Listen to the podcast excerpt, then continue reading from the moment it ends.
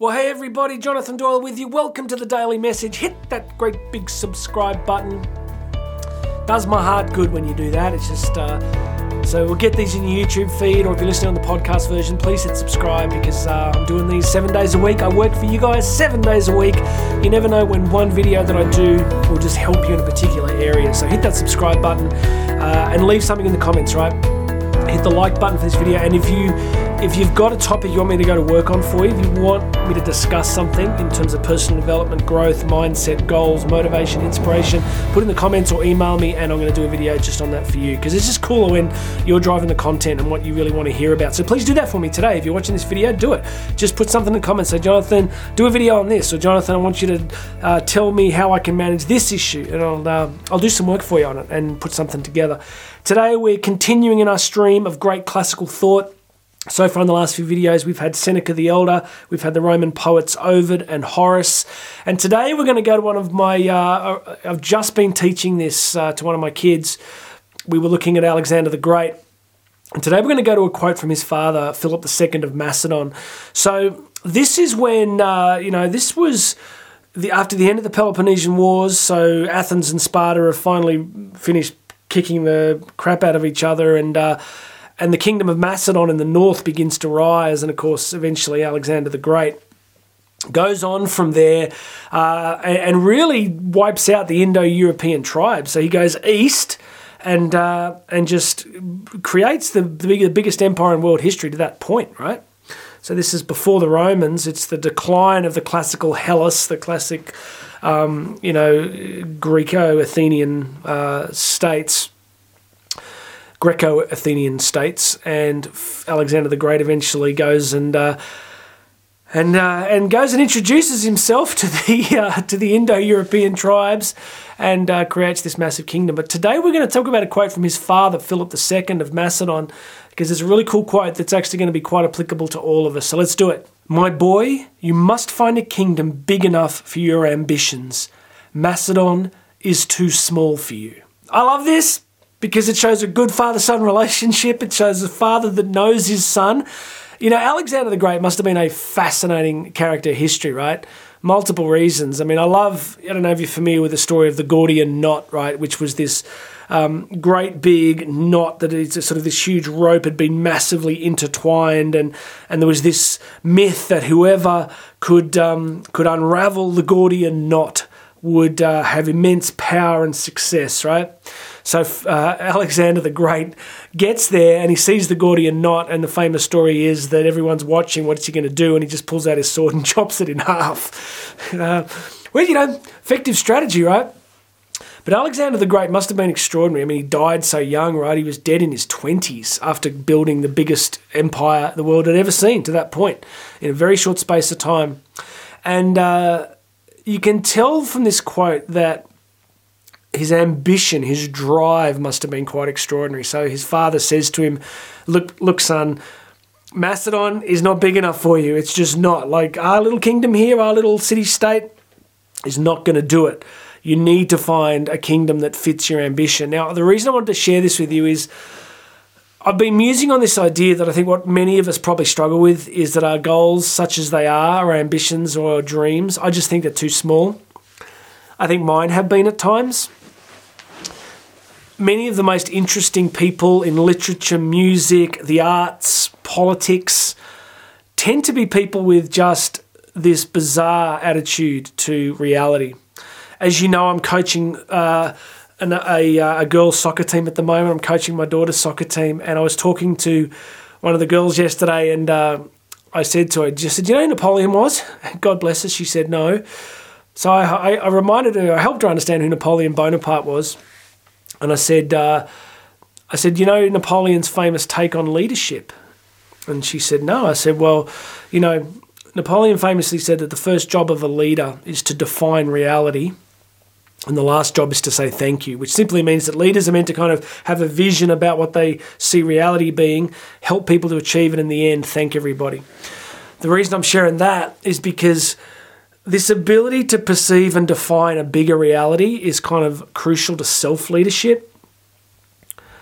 So some of you watching this may have goals. If you watch this kind of content, you probably have goals of some form, right? Like you've got something written down or there's something that you have an idea that you might like to experience. But you look at this quote about Alexander the Great, it's about building a kingdom big enough for your ambition. And I really want to apply both Napoleon's idea and Alexander's idea to this for us. I want to sort of say, you know, how do we apply, how do we build a big enough vision and dream and ambition for ourselves that's not going to keep us constrained to the little kingdoms of our own reality?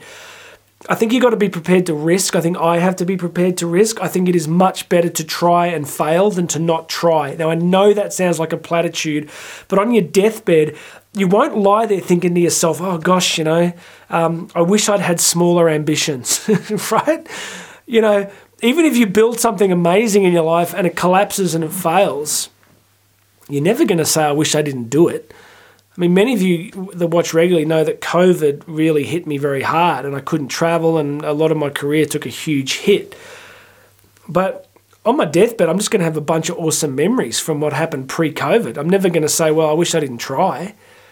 And who knows where I go from here, right? Maybe I just keep doing videos for you guys forever. But I definitely starting to get back my head back in the game and rebuilding in terms of ambition. I, I think our ambitions are too small. I think our goals are too small. I think mine are. I think they have been. And a lot of the great influential actors of history and even current history tend to be people that have kind of scaled goals, they have what they want to do this week, they have what they want to do this year, and then a lot of them will have something that they want to do in you know the next five or ten years. So you look at people at the moment um, like Jeff Bezos and um, Elon Musk, and you know what concerns me about these guys is they they're getting there's almost worship going on, right? Especially with um, Elon Musk. You know, let's all remember we're just human. And everybody has major faults and flaws. So the first thing we've got to do as a society is get everybody off the throne because we're all doing this journey together. But you look at these guys, and their big thing at the moment is going to space. Now, one critique is that, oh, yeah, this is just the elites basically trying to get away from the great unwashed and build the next mansion on another planet. That's a little cynical. Um, but look, as a species, so much of our energy historically has come from exploration. So, yeah, it's kind of cool that we're, we're looking at uh, what else is out there but what I'm getting at is that you look at people like Elon Musk and, and they don't suffer from a lack of ambition, right? They don't suffer from a lack of ideas. It's like the more that they accomplish, the, the dream expands, right? They just keep going, okay, I've done this, now what if I could do that? And so part of what I do with coaching and even coaching this team at the moment is helping people move from, okay, helping them see I've, you've got here, and that's pretty good, but you know you've got the capacity to go here. So I want to say that to you right now do you honestly think your goals are big enough for where you want to be in life? Do you honestly think that the goals and dreams you have right now are really big enough? Now, you're going to be a mix. Some of you are going to go, to, you'll be thinking to yourself right now, the truth is you don't even have any goals. You really don't. You've got wishes, like you, you fall asleep at night wishing that you were 10 kilos lighter or 10 kilos heavier in the gym or that you were richer or whatever. You know, all of us are going to have these wishes but a wish ain't going to do it. And then some of you'll have goals and they'll be like, you know, get this promotion or make this much money. But then some of us will have these really big goals. And I want to encourage all of us today just to think about it. Just as you come off this video or listening to this podcast, I want you to start to think to yourself, okay, even if I didn't get there, what would be big enough to have a go at? You know, I think in, about a week ago in a video I, I, shared about watching this thing on Netflix the other day with my kids where this woman in her 40s in Finland, she's like a mum with three kids, uh, swam and broke the world record for men and women for swimming under like like I don't know half a meter of ice. So they cut these huge holes in the ice, and she literally swims on a single breath. Right, no snorkel, no scuba gear no wetsuit. I mean, uh, sorry, yeah, she was dressed. She was just wearing like a swimsuit, but no wetsuit. Just just like a normal swimsuit you'd wear in a you know swimming laps. One breath. She goes into this water a meter below, half a meter below the ice, and has to swim on that single breath all the way through. I think it was like 105 meters. I just thought it was cool. I just thought, wow, right? Like on her deathbed, she's going to be like, you know what?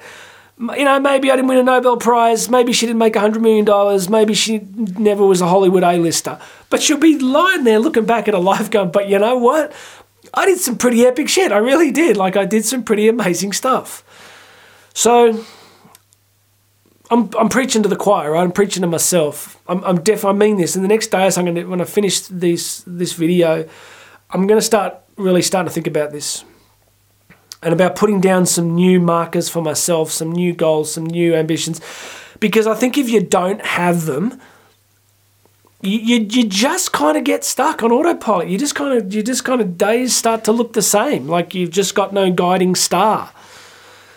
Again, look at the great explorers of history. You know, they first learned to navigate. It was the Vikings that really did it. The Vikings were some of the first to begin to drop magnetized bits of iron into into oil and, and water and begin to actually, you know, navigate from the stars. And remember that, you know, the, the study of anthropology, I always teach my kids this anthropology, the study of the human person, comes from the Greek word anthropos, which means the stargazer, the one who gazes at the stars. That we were the species that, as we evolved, we stopped looking down on the ground like other animals do, and we started to look up. And we started to see this great big expansive reality. And, you know, we, we began to wonder. We began to think, what's out there? What's possible? What's, what's behind all this? And then we learned to navigate from the movement of those stars. So I use that as a metaphor that we need a guiding star. We need a guiding star. We need something that will keep us moving and keep us traveling and keep us seeking rather than keeping us staring at the ground. That's a good metaphor. I like that. I'm going to, trademark that. All right. So go and get some bigger goals. Just stop. Even if you don't think you can get there right now, just say, well, don't show. You have to show anybody. I mean, what, what is the crime in getting a, a, a journal and writing in this book? I want to be a Hollywood producer, or I want to, you know, I want to run across the Gobi Desert, or I want to, you know, ride a motorbike on my own across the Road of Bones in Siberia. You don't have to tell anybody yet. You just there's no harm in writing it down. And if you can find somewhere quiet in your house just to sit there quietly and kind of just write it down and no one has to see it, then do it. All right, that's enough. Hit the subscribe button. Please do that for me. Leave some comments. Let me know what you think. Hit the like button. That's a big help to me. Uh, and put something in there about what you want me to cover, okay? Because each each week I start preparing content. Um, from what I think I want to talk about, but I really want to start putting together content that you want to hear about. So, whether it's a personal challenge, it's a personal development issue, it's around inspiration, motivation, management, business, life, relationships, fitness put it in the comments. Let me know what I can work on for you, and I'll do that. Um, and make sure you hit that link to grab a free copy of my book, Bridging the Gap. Totally free. Go and do it. If you haven't done it yet, hit that link. Get yourself a free copy of my book, Bridging the Gap. All right, God bless you, everybody. My name's Jonathan Doyle. This has been the Daily Message, and I'm going to have another message for you tomorrow.